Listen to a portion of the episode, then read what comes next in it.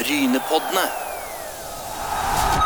Da er vi klar med en ekstra jeg skulle til å si ekstra nyhetssending, Asgeir. I løpet av denne Brynepodden så skal vi innom eh, Tord Gudmestad og høre status på han. Vi skal ha tak i eh, Magnus Arga. Og i, så skal vi helt til slutt få Jan Halvor Halvorsen i tale. Og Asgeir, eh, mm, ja, en ekstrasending, det, det må vi ha innimellom. Ja, vi må kjøre noen ekstrasendinger. Vi har jo eh, uendelig gått mot slutten av mange ting. og Nå skal vi ha en liten oppsummering med de tre du nevnte om, om året og sesongen. og Så går vi jo i gang med denne her turneen vår fra og med torsdag i denne uka. Det gjør vi. Og uh, oppsummeringa til Notodden, eh, Magnus Arga, den, det, det ble jo en happy ending tross en tøff sesong. Ja, det gjorde det. Så det var helt fantastisk at vi kunne avslutte på den, den måten vi gjorde. Så det var, det var en god avslutning.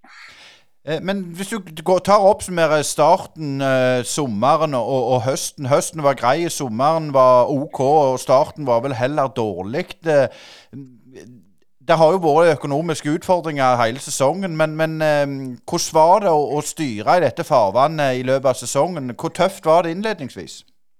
Jo, det, det var ikke under stol det at det var, det var en utfordrende, ut, ut, et utfordrende år. En, eh, ja, gikk litt tid før vi egentlig fikk et, eh, et lag på, på beina i, i, preseason. også. Men så var vi ganske gode i preseason. Vi hadde fem seire på de fem første i treningskampene. så eh, ikke, så viser jo det at det ikke betyr noe, men, eh, men vi var i hvert fall gode i starten av, av sesongoppkjøringa. Og så fikk vi en del skader de to siste treningskampene og gikk på et uh, 4-0-tap mot Tørn og tapte stort mot Arendal ja, rett før sesongstart. Så, så det begynte egentlig der med en del skader og sykdom, og fikk litt korona inn i, i starten der. og folk, folk brukte litt tid på å komme i gang igjen etter den koronaen. Så, så kom vi egentlig inn i en sånn ganske ond eh, spiral. Og så ja, vi hangla mye i starten. Vi brukte vel ti kamper før vi fikk, uh, fikk spilt med det samme laget, så, så det er jo på en måte oppsummerer litt starten, egentlig. Og eh, ja, så Men eh, så på sommeren så fikk vi, fikk vi inn litt forsterkninger som, eh, som vi hadde bruk for. Og, og så fikk vi jo en, en kjempehøst. Det var, det var en veldig bra høst. Det var vel, var vel kun Arendal som tok mer poeng enn oss på, på høsten der. Så, så det viser jo at når vi har alle faen friske, og, og ja, så, så, så var vi et godt lag. Så det var jo veldig bra at vi, at vi klarer å avslutte på den måten der. Fordi dette laget her, det, det er fortjent å spille andredivisjon. Vi har jo fulgt deg gjennom sesongen, gjennom flere sesonger, og jeg kan jo uh, ærlig innrømme det at jeg avskrev Notodden i sommer og sa at dette går aldri. Men du, du har gjort en fantastisk jobb. Men det var litt løye å se. Jeg var og så eh, den siste kampen mot eh, dere hadde borte mot Stå, leder 3-1. og dere blir shaky på slutten der, så, så det er jo et lag som ikke er stinn av selvtillit. Nei, det, det, jeg tror de fleste lag eh, kunne fort ha fått litt shaken der. Nå, nå kom det liksom et mål litt ut av ingenting der, og de får 3-2, og Stål har ingenting å tape. De bare peiser på, vi har alt å tape, så, så da blir det jo da ble det litt sånn, og, eh, og vi har jo, tar du vekk, an, nei, tar du vekk Odd 2, så, så har vi det yngste laget i, i, i divisjonen. Så, så det er unge gutter som ikke har fart altfor mye. Så det, det er naturlig at det, at det kom litt nerve på, på slutten der. Det, det er nok ikke til å unngå. Så skulle vi ønske at vi punkterte det, eller skulle trodd at vi fikk tre igjen der, at det skulle, det skulle holde. Men, eh, men det ble eh, mer spennende enn vi hadde, hadde trodd. Så, eh, men det driter jeg i så lenge vi, vi klarte oss. så er Det helt fan, fantastisk. Magnus, jeg har lyst til å spørre deg litt om, om Post nå. Altså, du har jo vært der noen år nå, både som assistent og, og, og som hovedtrener. Men, men er det sånn i Post at du er avhengig av en sånn 13 mann cirka, så, så for å holde flyten? Og så er det enormt sårbare hvis du må opp til 14-15-16 liksom, for å prestere den, eh, på det nivået? Ja, det er jo, det er jo kun de topplagene som klarer å ha en, en stor nok eh, bredde og stall, sånn som eh, Arendal og Egersund. Og, og Moss òg eh, hadde ikke største kvalitetsspilleren, de hadde i hvert fall en stor, stor stall med god bredde. Så, så de lagene som har det, får mer stabilitet og er ikke så sårbare for skade. Mens, men sånn som oss, som har begrensa med midler, vi må fordele de midlene godt. og ja, da, da blir det ofte at vi det blir kanskje en, bra elver og, og kanskje 12-13 mann, og så, og så mangler vi kanskje det siste lille derifra. Men uh, Så det var jo der vi ble Det er der vi merka på våren at vi, vi, ble, vi, ble, for sårbare. Det ble for mange på en gang, så, så ble Ja, så, så forsvant. Eh, du sier dere har en, en veldig unge stall, altså bare to som, som, har yngre. Du er jo ikke akkurat gråhåra sjøl heller. Som en ung trener, det er første gang du virkelig står med føttene i, i kniss i drit, som tønet synger. altså hvordan takler du det sjøl, og hvordan jobber du for å komme gjennom dette sånn personlig? her? Nei, det, det som Øystein sier, han var nok ikke den eneste som, ikke, som hadde mista trua på av, av, folk utenfra. Når, når vi lå ti poeng bak der på det meste, så, så skjønner jeg det. Men, men, den gjengen her, de, det er noe med den gruppa her som har overraska meg. Når vi lå de ti poengene bak der, så, så var folk fortsatt positive, hadde tro på det vi holdt på med. og og ja, da, da, Eller min jobb er jo å være motiverende og, og fortsette å, å, tro på det jeg tror på, og ikke begynne å endre for mye. og, og nå på, på høsten egentlig, så, så, var vi oss sjøl mer enn vi egentlig noen gang hadde vært på, på våren. Så, så når det ble litt endringer, litt skader, sånn, så ble vi kanskje litt mer direkte lag enn det vi egentlig ønsket å være. og det, det var jo egentlig ikke oss. mens uh, når det ligger ti poeng bak, så er det kanskje mange lag som, uh, som kanskje hadde endra litt og blitt mer direkte og ikke tar så mye risiko i, i, spillet sitt. og Vi hadde jo på en måte kniven på strupen eh, så å si hver kamp utover høsten der, så mens, eh, Men vi snudde litt på det. Vi, vi ønsket å være enda tøffere og spille enda mer. og ja, og så, så det er på en måte det som, som tror jeg redder oss, at vi, vi fant oss sjøl igjen. Og vi tørde egentlig enda mer enn det vi noen gang har gjort. Og, og, da, og det er på en måte det disse spillerne som ble henta inn, de, de ble henta inn fordi de var gode fotballspillere og de var gode med, med, ballen. Så da måtte vi på en måte spille fotball. Da kunne vi ikke gjøre noe annet som vi ikke var gode på. Nei, da, når du nevner det, du fikk inn spillere. Du fikk jo en Tobias Guddal fra Bryne bl.a. og en ny keeper. Og, og, og Berntsen var litt ute og kom inn igjen. Hvor, hvor viktige var det for de spillerne, rogalandskarene, i, i denne redningsaksjonen? Det var De har vært veldig viktige for oss. Dette, men det som er sterkest, er jo hele laget. altså Den moralen og den, den uh, lagfølelsen vi har hatt nå utover høsten. Det er på en måte det som har vært viktigst. Så har vi hatt er noen enkeltspillere som kom inn og, og, og styrka oss. Vi fikk en god keeper som ga plutselig veldig mye trygghet til, til hele laget. vi fikk inn uh, Guddal som uh, imponerte meg enormt. Jeg visste han var bra, men at han var, var så god det, det, var jeg ikke klar over. Så det har Bryne virkelig en, en stopper som, eh, som, de bør satse på, for han kan bli steingod. Så, så, da fikk du litt mer uh, trygghet bakover. Vi, vi, slapp inn mye mål i starten der på våren. og, og ja, vi var litt ja, uh, shaky en periode der, men det, så lenge du ikke slipper inn mål, så, så kan du vinne fotballkamper. og da snudde det litt for vår del. Da ble vi på en måte enda litt tøffere offensivt òg, fordi vi var ikke så redde for å å tape ballen. For vi visste at hvis vi taper ballen, så, så har vi folk som kan uh, forsvare, hjelpe oss å forsvare oss på en god måte. Så, så da, litt som sier, da ble vi på en måte enda tøffere med ballen, egentlig. Eh, Magnus, nå har du jo eh, takt for deg, eh, både holdt jeg på å si, i pressen og på sosiale medier, og skal videre. Du er fremdeles ung, du har sagt tidligere til oss at du ikke utelukker å gå inn som en, en, nummer to heller i noen klubber. Men eh, eh hvordan, hvordan, er det nå i, i fotballmarkedet? Er, er, det vanskelig å finne seg noe nytt, eller har du liksom is i magen og tenker at dette går, siden, siden du òg kunne avslutte nå på, på oppadgående? Ja, det er jo det som blir Det vil jo tida vise hvor, hvor, krevende det er. Men det er jo, eh, det er jo en tid der det for min del handler om å ha, ha litt is i magen og, og vente på på, hvis det dukker opp noen tilbud og noen jobber som, eh, som er interessante. Nå, nå, har jeg vært i Notodden i fem år, så for min del så var det viktig å få, eh, ja, få litt nye utfordringer nå. Så nå har jeg vært hovedtrener i, i tre år og kjent på den følelsen, så, så det viktigste for meg nå egentlig er bare å få jobbet, eh, jobbet, videre med fotball i en eller annen form, om det er som hovedtrener eller assistenttrener. Det, det er egentlig det som betyr så mye nå. Det, det er at jeg får, får komme inn i et et godt lag, et godt team og et godt miljø, og der kan få ny erfaring og ny utvikling. Det, det er egentlig det viktigste for meg. Så, så får vi se. Men uh, jeg, jeg, eh, kommer til å bruke litt tid nå utover ja, nå, i vinter nå for å, for å vente på det, det som er riktig. Men med tanke på utvikling, tenker du da at du må opp et hakk? Er du på en måte litt lei av å være i Post Nord, som tross alt ikke er du, du, kan jo ha suksess der òg, selvfølgelig, men altså, føler du at det, du må opp og lære av de som er et hakk og to bedre nå framover? Tenker du sånn litt? Nei, jeg føler at det egentlig nivået mellom altså de Post Nord og Obos nå, at der begynner nivået ikke altså De begynner å nærme seg i større grad enn de kanskje gjorde tidligere nivået fra andre opp til tredje begynner Mitt inntrykk begynner å bli ganske stort nå. Så, så, så, innenfor de tre divisjonene, det er jo der jeg ønsker, ønsker å holde meg. Og så, og så er det jo det er ikke, Jeg ønsker jo å være, komme til en så bra klubb som mulig, til så god klubb som mulig. Det, det ønsker jeg jo. Så, så får vi bare se. Notodden de ble jo trukket et poeng pga.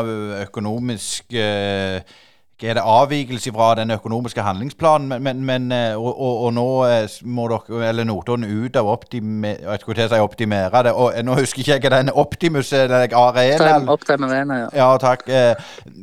Hvor, hvor, tøft var det når du, når du, skulle styre i dette farvannet? Er det sånn at du kan, du kan jo si det nå, men det må jo være fryktelig slitsomt å, å hele veien kutte, kutte, kutte, kutte mens dere jager og holder dere?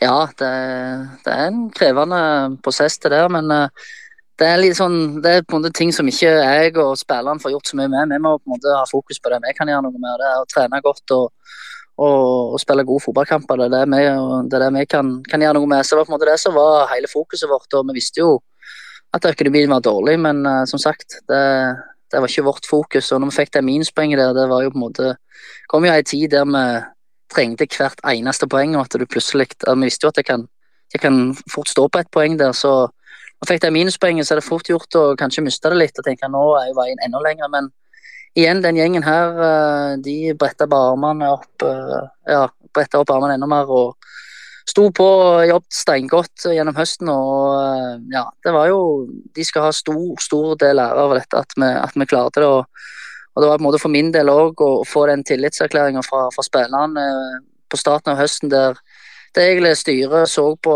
eller ja, Det er jo sånn det er når vi går dårlig, så er jo jobben til styret og klubben er jo å se er noe de kan gjøre, eller noen endringer de må, må gjøre for, å, for, at vi skal klare det. Da, da førte de seg med spillerne, og, og, og spillergruppa var ganske klare på at de ikke ønsket noen endringer. og De hadde tro på det, det vi holdt på med. og det, For min del så ga det ekstrem boost og, og få høre at spillerne trodde det vi holdt på med. Da, det var egentlig da jeg fikk trua på at ok, da, nå skal vi klare det. Så lenge den gjengen i garderoben tror på det vi gjør, så, så, er det, så er det ikke noe som skal stoppe oss. Ingenting som er bedre enn å få garderoben med seg der, Magnus. Eh, jeg må si gratulerer så mye med en fantastisk innspurt, og, og masse lykke til på, på, din videre karriere. Så det er jo bare til å, å få folk som hører på, til å ta kontakt med deg, Magnus, eh, hvis de trenger en, en dyktig og ung og fremadstormende jærbuss som kan føre laget framover oppover på tabellen? Jo, takk for det. Ja, det, det, jeg er åpen for det meste, så, så det, det, er bare å ta kontakt hvis det, hvis det er noe som, som, kan virke interessant. Brynepoddene. Tord Gudmestad On Tour presenteres i samarbeid med ECS. Teknologi for fremtidens automatisering. Ja, sist vi hadde Tord på besøk, eh, Asker, da sko han til Australia eh, på VM. Og eh, nå er han her igjen, og velkommen tilbake igjen, Tord. Ja, og tusen takk. Det, det er stort å være, være, tilbake igjen, så jeg setter pris på det. Du Asker, du eh, har jo òg fulgt med og, og, og sett eh, Tord, for nå er jo sesongen ferdig. Skal, skal vi prøve oss på en oppsummering, meg og deg? Hva, sier vi om Tord sin sesongs Nei, Vi var vel litt inne på det før VM. VM var jo et slags eh, Ja, det, det var vel en slags eh, sted der en kunne liksom eh, trumfe litt et år som har vært ganske mye opp og ned. Nå så jeg rittet fra ja, det var vel et par timer og, og inn. og og Det var jo litt spenning der Tord plutselig var i, i kamera og, og, kjørte og rykk og skulle kjøre noe. Så da tenkte jeg at nå, nå, nå gir han gass her. Men, men, det var litt sånn taktikk, og det chatta vi bitte litt om. Og som dere forstår sikkert også lytter, han, han, vant jo ikke VM, for da hadde vi jo snakket med han for lenge siden. Så Tord, du kan jo si litt sjøl om, om, hvordan det var på denne fellesstarten under VM.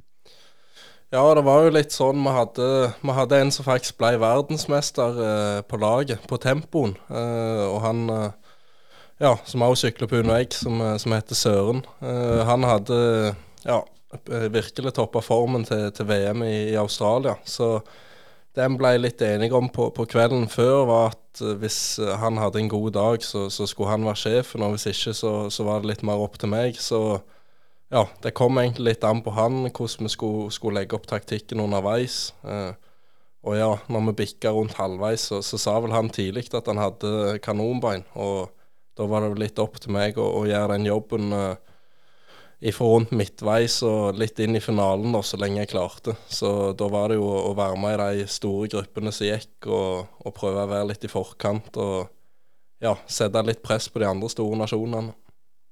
Men, men det var jo en tetgruppe der som gikk i brudd eh, ganske tidlig, som ble liggende langt framme. Så var det du og en danske, hvis jeg ikke husker aldeles feil, som prøvde å kjøre dem inn litt. Eh, og så så det ut så du liksom stoppet opp eh, etter hvert. Var, var det bevisst, eller var du liksom sluttkjørt akkurat der og da?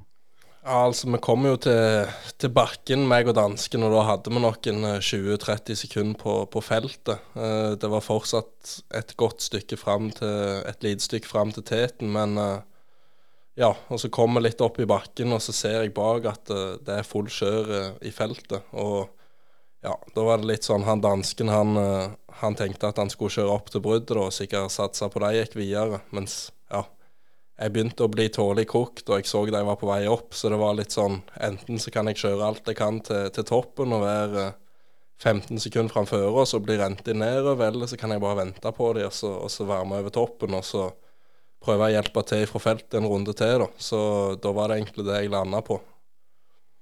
Eh, men det gikk jo godt for, for laget, for å si det sånn. Det ble vel tredjeplass, var det ikke det? Det stemmer ikke det? Ja, og vi fikk en tredjeplass, og så var vel han Per òg inne rundt en uh, topp 15 der og, og, fikk kjørt godt opptrekk. Så det ble sånn sett uh, en bra dag for oss, selv om uh, ja, det ble litt kluss i finalen. og Vi kunne nok gjerne tatt gullet hvis vi hadde tatt noen litt andre valg, men det er jo sånn som er lett å si når du, når du sitter her. og ja, Som er lett å se på TV gjerne, men det er litt annet når det koker i løpet der. Men for den eh, personlige del, Tord, hvordan syns du mesterskapet var? Nei, Jeg syns egentlig det var greit, og for egen del så fikk jeg eh, sjukt gode svar eh, i bakkene og, og, hvordan jeg løste det og alt. Så ja, det er nok en av de bedre dagene jeg har hatt på, på sykkelen i år, sånn sett. Og jeg kom inn til VM og, og hadde trent godt, var i, var i, veldig god form.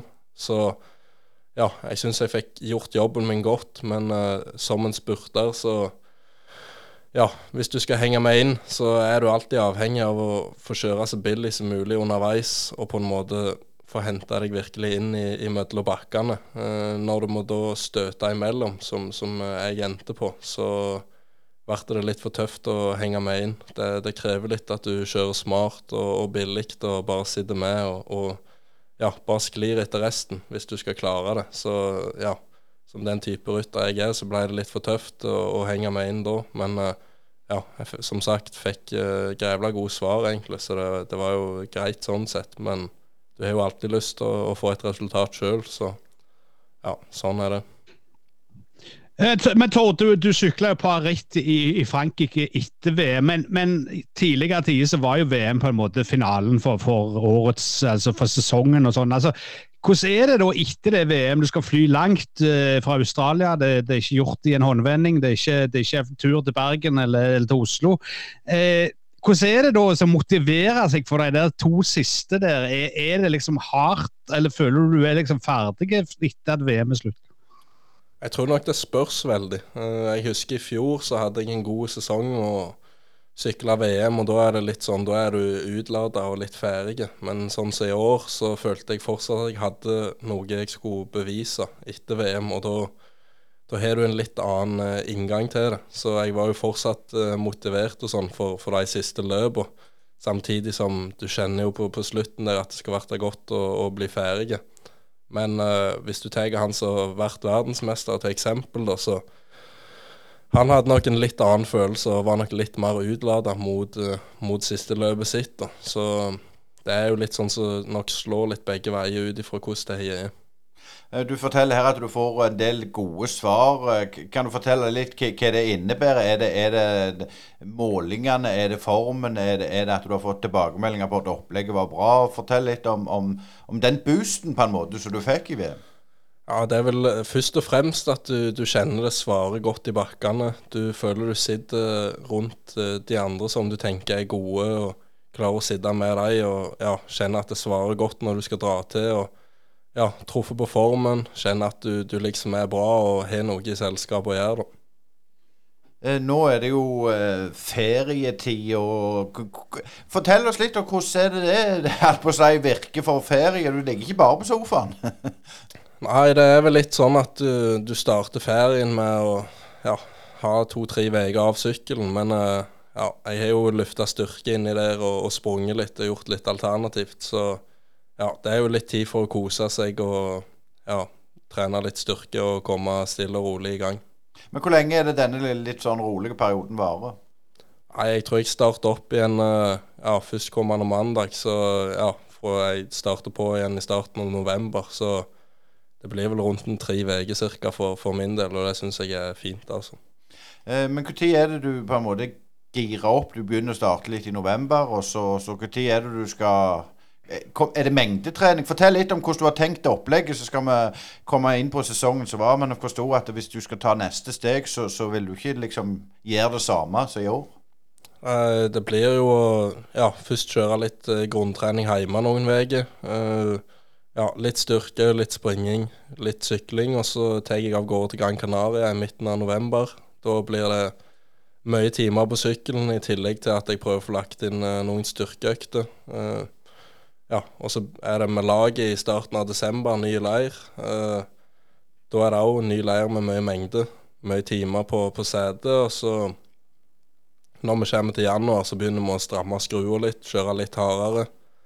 Og så, så er det nok sesongstart fra februar av, tenker jeg. Og da, da skal du være i ganske bra i fall grunnform og treningsform, og så hjelper de ritt og deg litt til å ja, på en måte få siste piffen før du skal begynne på de litt viktigere løpene som blir klassikerne og sånn. da.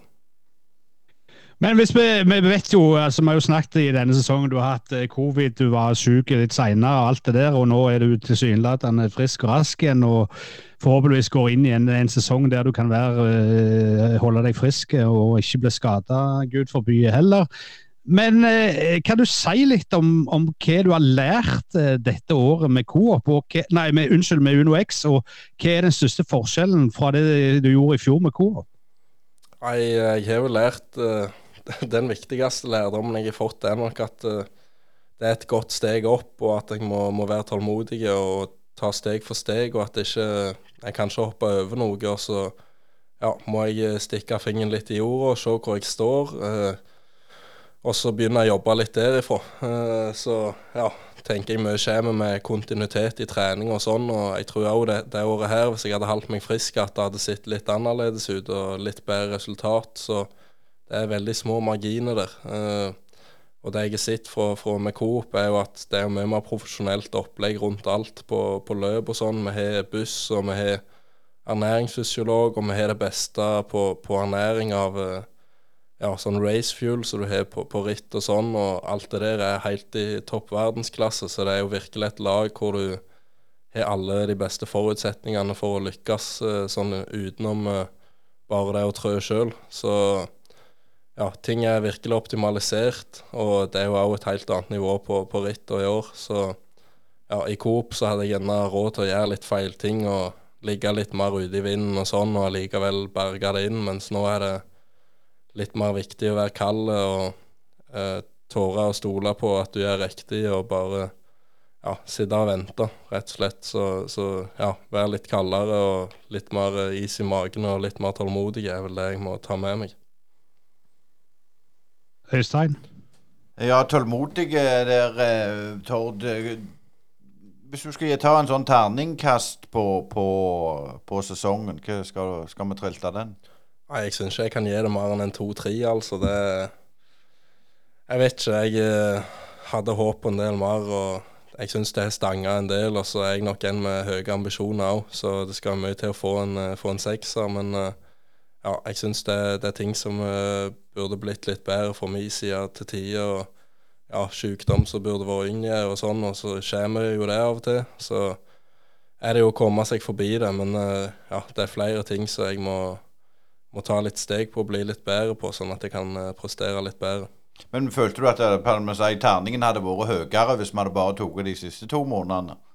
Ja, det syns jeg. Det begynte å løsne litt. Uh, spesielt når det begynte å bli litt kaldere i været. For det er jo noe jeg slitt med litt i året spesielt de løpene der det har vært varmt. Så det er nok noe jeg må, må, finne en litt bedre løsning på neste år. og ja, Være litt tøffere i forhold til det der med å kjøre noe mer akklimatisering i forkant. Om jeg gjerne skal prøve å sitte litt i badstue eller noe sånn når, når det nimmer seg varmeløp eller et eller annet, for, for å takle det bedre. Ja, Det er jo en utfordring som en òg har i, i, andre idretter. Og, og, Det er jo ikke enkelt det der når en eh, er vant med sånne kalde, sure dager som en har mye av i Norge. Men litt tilbake til, til dette her med, med, med, den sesongen du har vært gjennom. Eh, du var jo eh, ganske angripende offensiv i starten, og vi, hooket opp med deg i starten av året. og Du, du hadde jo den gode seieren i Tyrkia som selvfølgelig pusha deg litt eh, Eh, etter det. Men, men er det liksom første gang du har kjent litt på at ikke alt går på skinner i toppsyklinga? Altså, er, er, det første året du føler du har fått deg noen par i trynet her? Det er nok på mange måter det, altså. Eh, jeg syns det har fløtet skremmende godt lenge. og ja, når jeg var en 12-13-14 år gammel, så, så, var det litt mer eh, Da lå jeg jevnt gjerne som nummer 5, 6, 7, og, og ja, jeg fant meg litt i det, for det var der jeg lå, liksom. Og det var en del folk som var større enn deg og alt det der. Men eh, ja, den unnskyldninga kan jeg ikke dra nå, så, så det er klart året hvor jeg, hvor jeg ikke har kjent noe på det, ja. Men, men, er det noe som er vanskelig for, for deg personlig liksom, å, å, kjenne på det, at nå må jeg opp og videre? For det er jo en sånn en et, et, en periode der en kan tenke ok, jeg er, jeg er, kanskje ikke der jeg skulle ha vært, og, og, begynne å tvile, liksom? Eller gjør du det bare mer ivrige på, på å gi litt ekstra? Ja, jeg tror nok eh, det er mer at jeg eh, kan hente litt motivasjon derifra. Eh, det er ikke noe tungt å gå ut på trening når du føler du må gjøre alt litt bedre enn resten hele veien. Så det har ikke vært noe problem. Det er litt mer at jeg eh, prøver å angripe det uh, og se, se, hva ting jeg kan gjøre underveis på løpet osv. for å få en lettere reise enn resten, sånn at jeg eh, er enda bedre på slutten. da.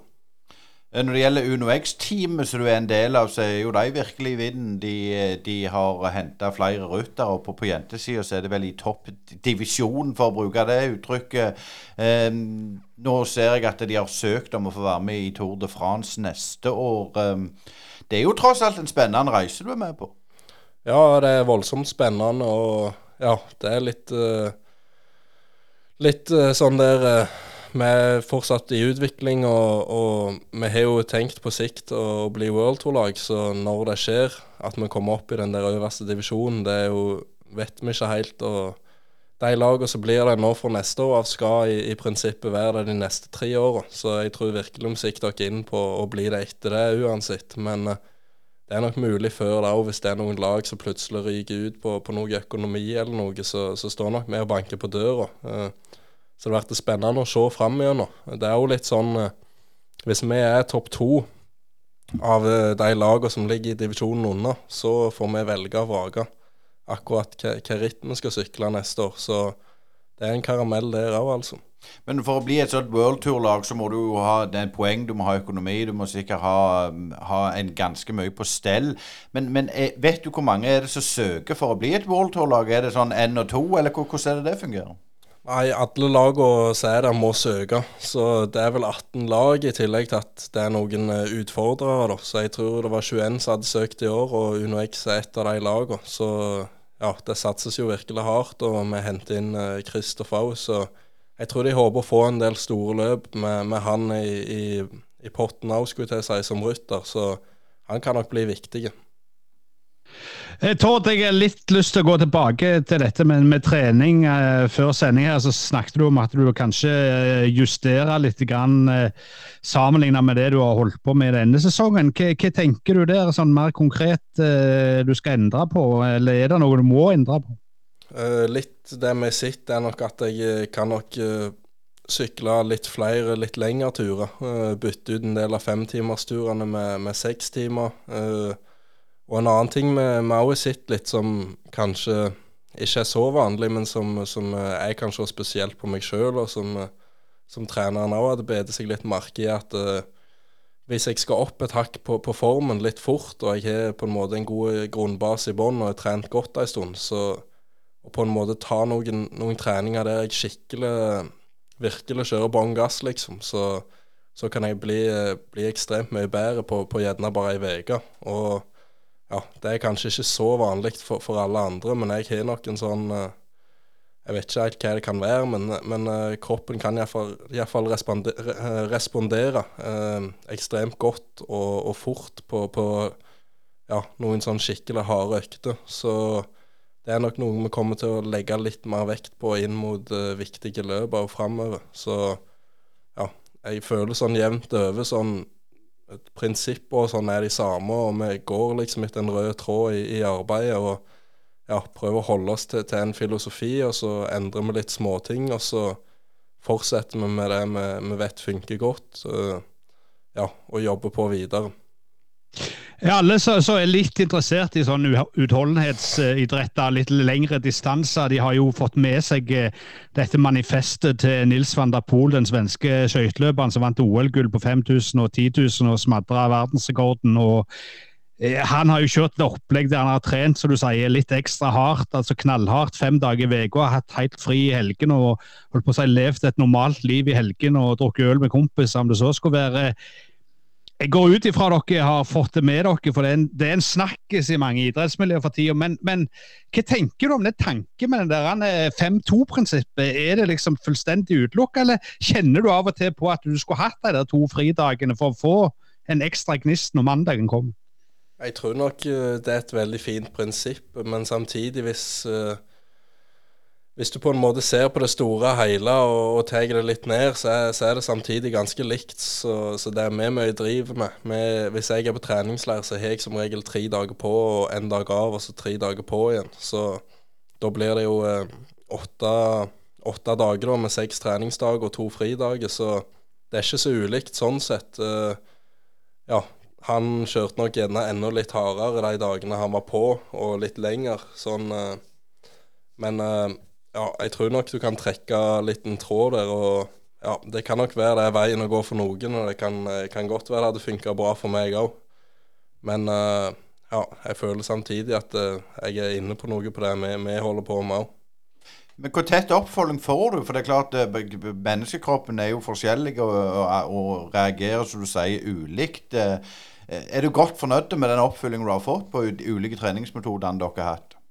Ja, jeg syns jeg har, har, veldig god oppfølging. Og ja, mine innspill som jeg kommer med, blir også eh, godt lytta til. Og, og, ja, treneren òg eh, har god forståelse for at eh, ja, jeg på en måte er den som kjenner kroppen min best. Og, og ja, du kan se på forskning både her og der, men, men, det er ikke sikkert det fungerer for deg. og du må alltid ha en, ha en, rød tråd og på en måte en plan for hva du skal gjøre, og, og stole på den og stole på prosessen. og så så er det nok ikke alltid det du gjør den dagen som er det viktigste, men uh, ja, å holde, holde, kontinuiteten oppe og få gjort det over tid, så, så tar du steg etter steg.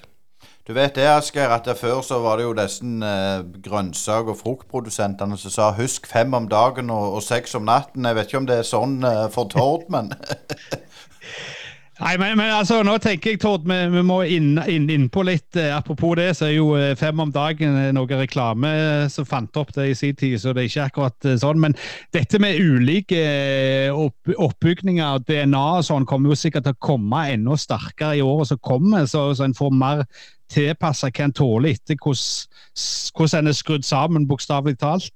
Men hvordan er dere der på, på det der med, med, ny forskning og treningsmetodikk? Sånn, Tord? Er er du, opptatt av dette sjøl, og leser du, prøver du å finne informasjon, eller stoler du på de som er i apparatet rundt deg?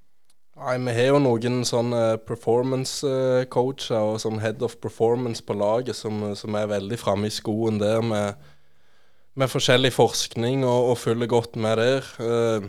Noen av tingene prøver jeg nok litt å bare legge vekk. For at av og til syns jeg det kan verte litt mye av sånne nye ting og sånn, og så glemmer du litt fokuset på hva som egentlig gjelder, og hva, hva du har bestemt deg for. Så ja, av og til syns jeg det kan verte litt mye nytt og, og, litt mye sånne ting som er på moten, og så, så varer det et halvt år, og så forsvinner det. Så ja, jeg prøver gjerne å la, la andre litt uh, finne ut av de der trendene. Så, så, hvis det fungerer lenge, så, så, kan jeg heller vurdere det. Men uh, jeg gidder ikke bare hoppe av og på tog hele veien. Da, da holder jeg meg bare på det jeg er på.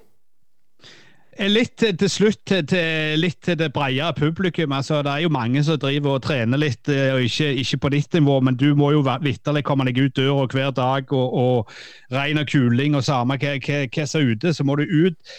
Eh, kan du anbefale noen triks for folk som sliter med å komme seg ut dørene når det er litt uh, for mye vind eller regner litt for hardt? og sånn, så Det ikke bare blir solskinnsdager. Du som driver dette som profesjonell, hva er det beste tipset du har til folk som kanskje har lyst til å trene litt og ta i litt? Nei, nå, nå syns jeg du spør vanskelig her.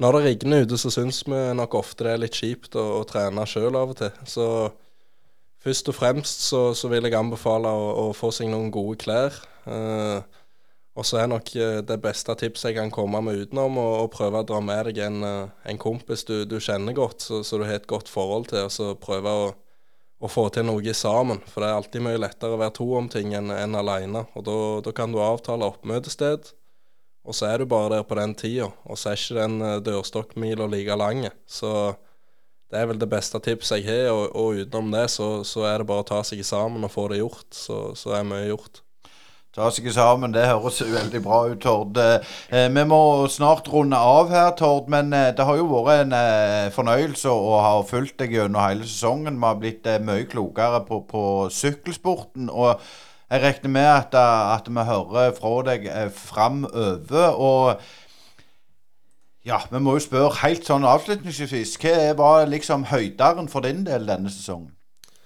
Ja, Det er jo vanskelig å si, men ja, jeg hadde jo den seieren i Tyrkia, selv om det ikke var den største seieren og alt det der. Så ja, det er det jeg sykler for. Det er for å vinne løp. Det, det er så enkelt. Så, så, ja, det er vel det, det er vel der jeg er. Så, så er det alltid gildt når andre vinner òg.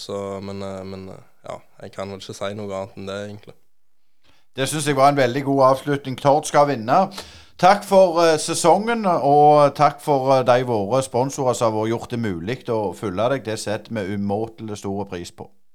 Brynepoddene. Tord Gudmestad On Tour presenteres i samarbeid med ECS. Teknologi for fremtidens automatisering.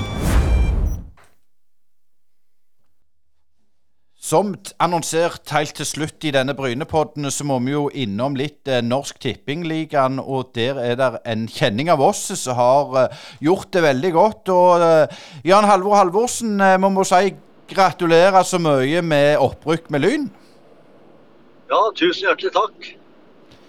Eh, det, jeg holdt på å si det var litt feige lag. Eh, dere kjører gjennom hele sesongen uten tap. og um, hvordan hvor fornøyd er du nå?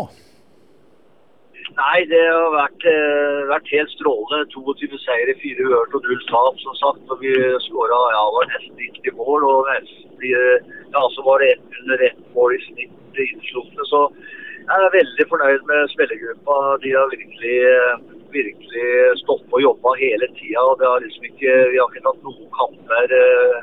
Lett. Og de har stått hele tida. Det viste også den siste kampen som, eh, hvor vi ikke hadde noe å spille for. og vi vant 7-0, men selv på 4-5-0 så var det liksom bånn gass. og det var eh, det, det, har vært veldig bra. og Det var jo også moro. Den siste kampen det var jo nesten 2000 tilskuere på Bislett. Så nei, det har vært eh, strålende. Veldig moro sesong. Ja, Halvor, du, du, kommer jo til et Lyn som, som, på en måte prøver å komme seg opp igjen til, til gamle storheter. Men men hvordan var møtet med, med, med klubben der når du, begynte denne sesongen? For du, du husker jo Lyn selv som spiller i, mye, på en mye høyere nivå enn det de er i dag, eller har vært? Ja da, nei, jeg, jeg, visste jo litt hva jeg gikk til, kan du si. Eh, de hadde jo, har jo prøvd å rykke opp nå i, i, veldig mange år uten å klare det. Så, så jeg visste litt hva jeg gikk til. Men uh, vi fikk, uh, både jeg og trenerteamet fikk stabla på, på plass et, ja, et veldig veldig ungt lag. Eh, som har vært veldig sånn sterkt kollektiv, og som har eh, dratt veldig i samme retning eh, gjennom hele sesongen. Pluss at eh, spillestilen vår har liksom eh, begynt å sitte mer og mer og egentlig gått fortere enn jeg hadde forventa. Men eh, det har vært, eh, vært veldig, veldig oppløftende. Ja, når du nevner det, så var jeg jo òg ringside og så, og det så ut som dere fikk det til å sitte. Men du har òg fått litt midler og tog, fått gode spillere inn. Og de du har henta underveis, har de på en måte passet inn i gruppa fra dag én? Ja, det, vi har vært veldig nøye på hva vi har henta inn i forhold til at de skal være selvfølgelig sultne, gode spillere, men også passe inn i gruppa kan du si, helhet. Så det, det har eh, fungert, eh, fungert veldig bra, må jeg si. Hey, nå har du jo en del erfaring fra både Posten og Obos selvfølgelig de, de siste sesongene. Vet litt hva du går til neste år. Hvor stor er forskjellen mellom å være så suveren på topp eh, på nivå fire og, og nivå tre, tror du?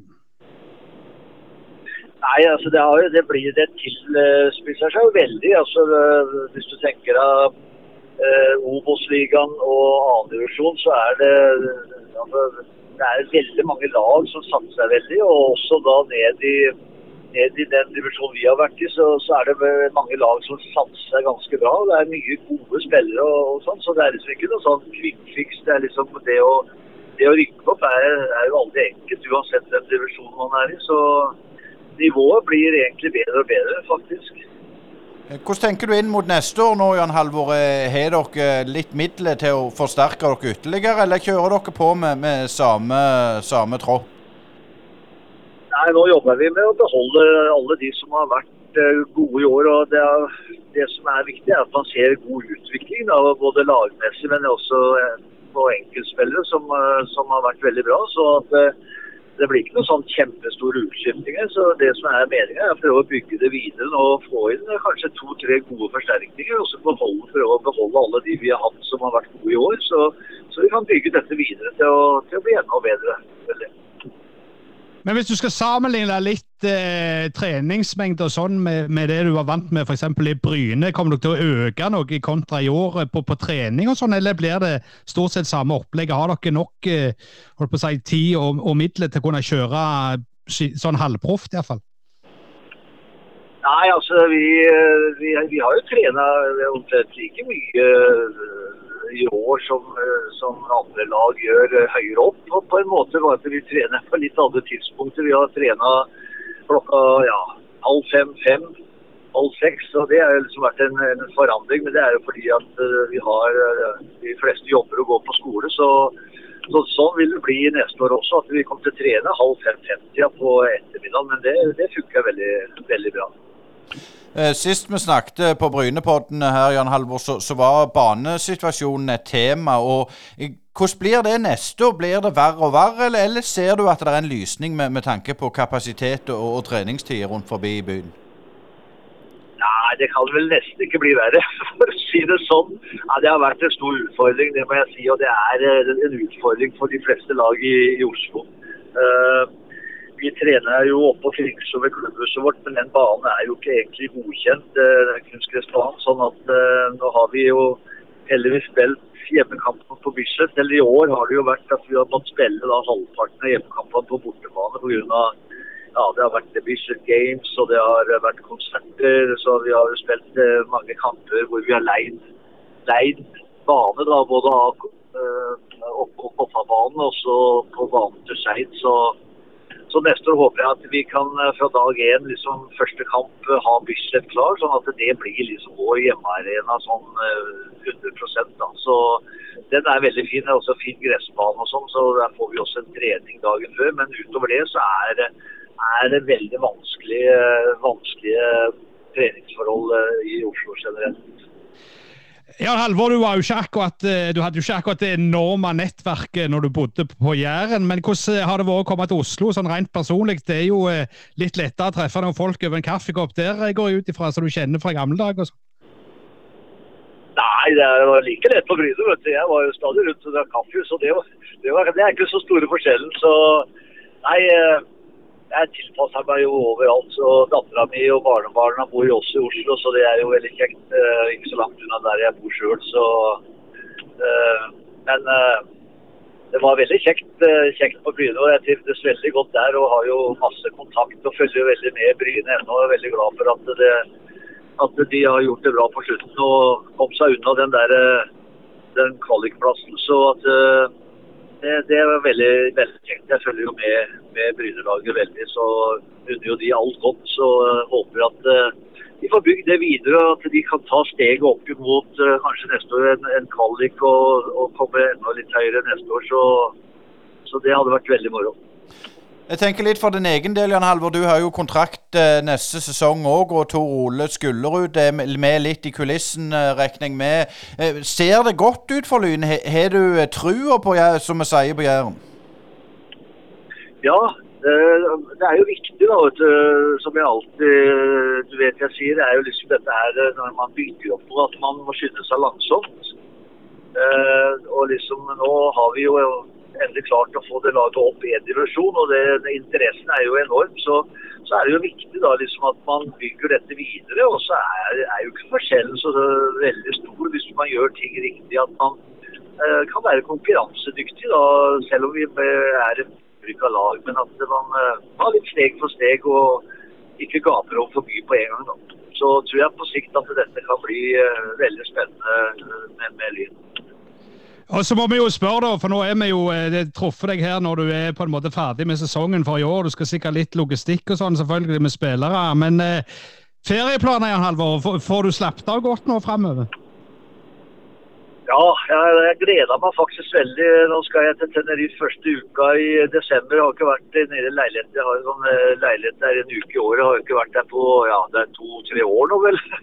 Så det, det, skal bli godt nå, for det har vært, det har vært en helselig sesong med, med, mye jobbing og nullstilling til hver kamp. Og, og liksom dette her vi, vi havna jo også i en pulje som var veldig tøff, i den Oslo-pulja, hvor liksom hver kamp uh, var en cupfinale for motstanderen uh, som ga alt og var på litt dårlige baner. Så uh, det har vært utfordrende. Men det endte jo veldig bra, så nå ser jeg fram til å komme ned til de første uka i desember. En uke, det skal bli deilig. Det er bra, Jan Halvor, så er i bilen. Så hvis det er litt dårlige linjer, så er det bare du, Jan Halvor, som er i bilen. Og, og igjen, gratulerer så mye ja. med opprykket, og, og, ha en riktig og velfortjent ferie. Så får jeg skulle til å si du får ta på deg speedoen. Det spørs. Det, det, da tror jeg jeg blir bura inn.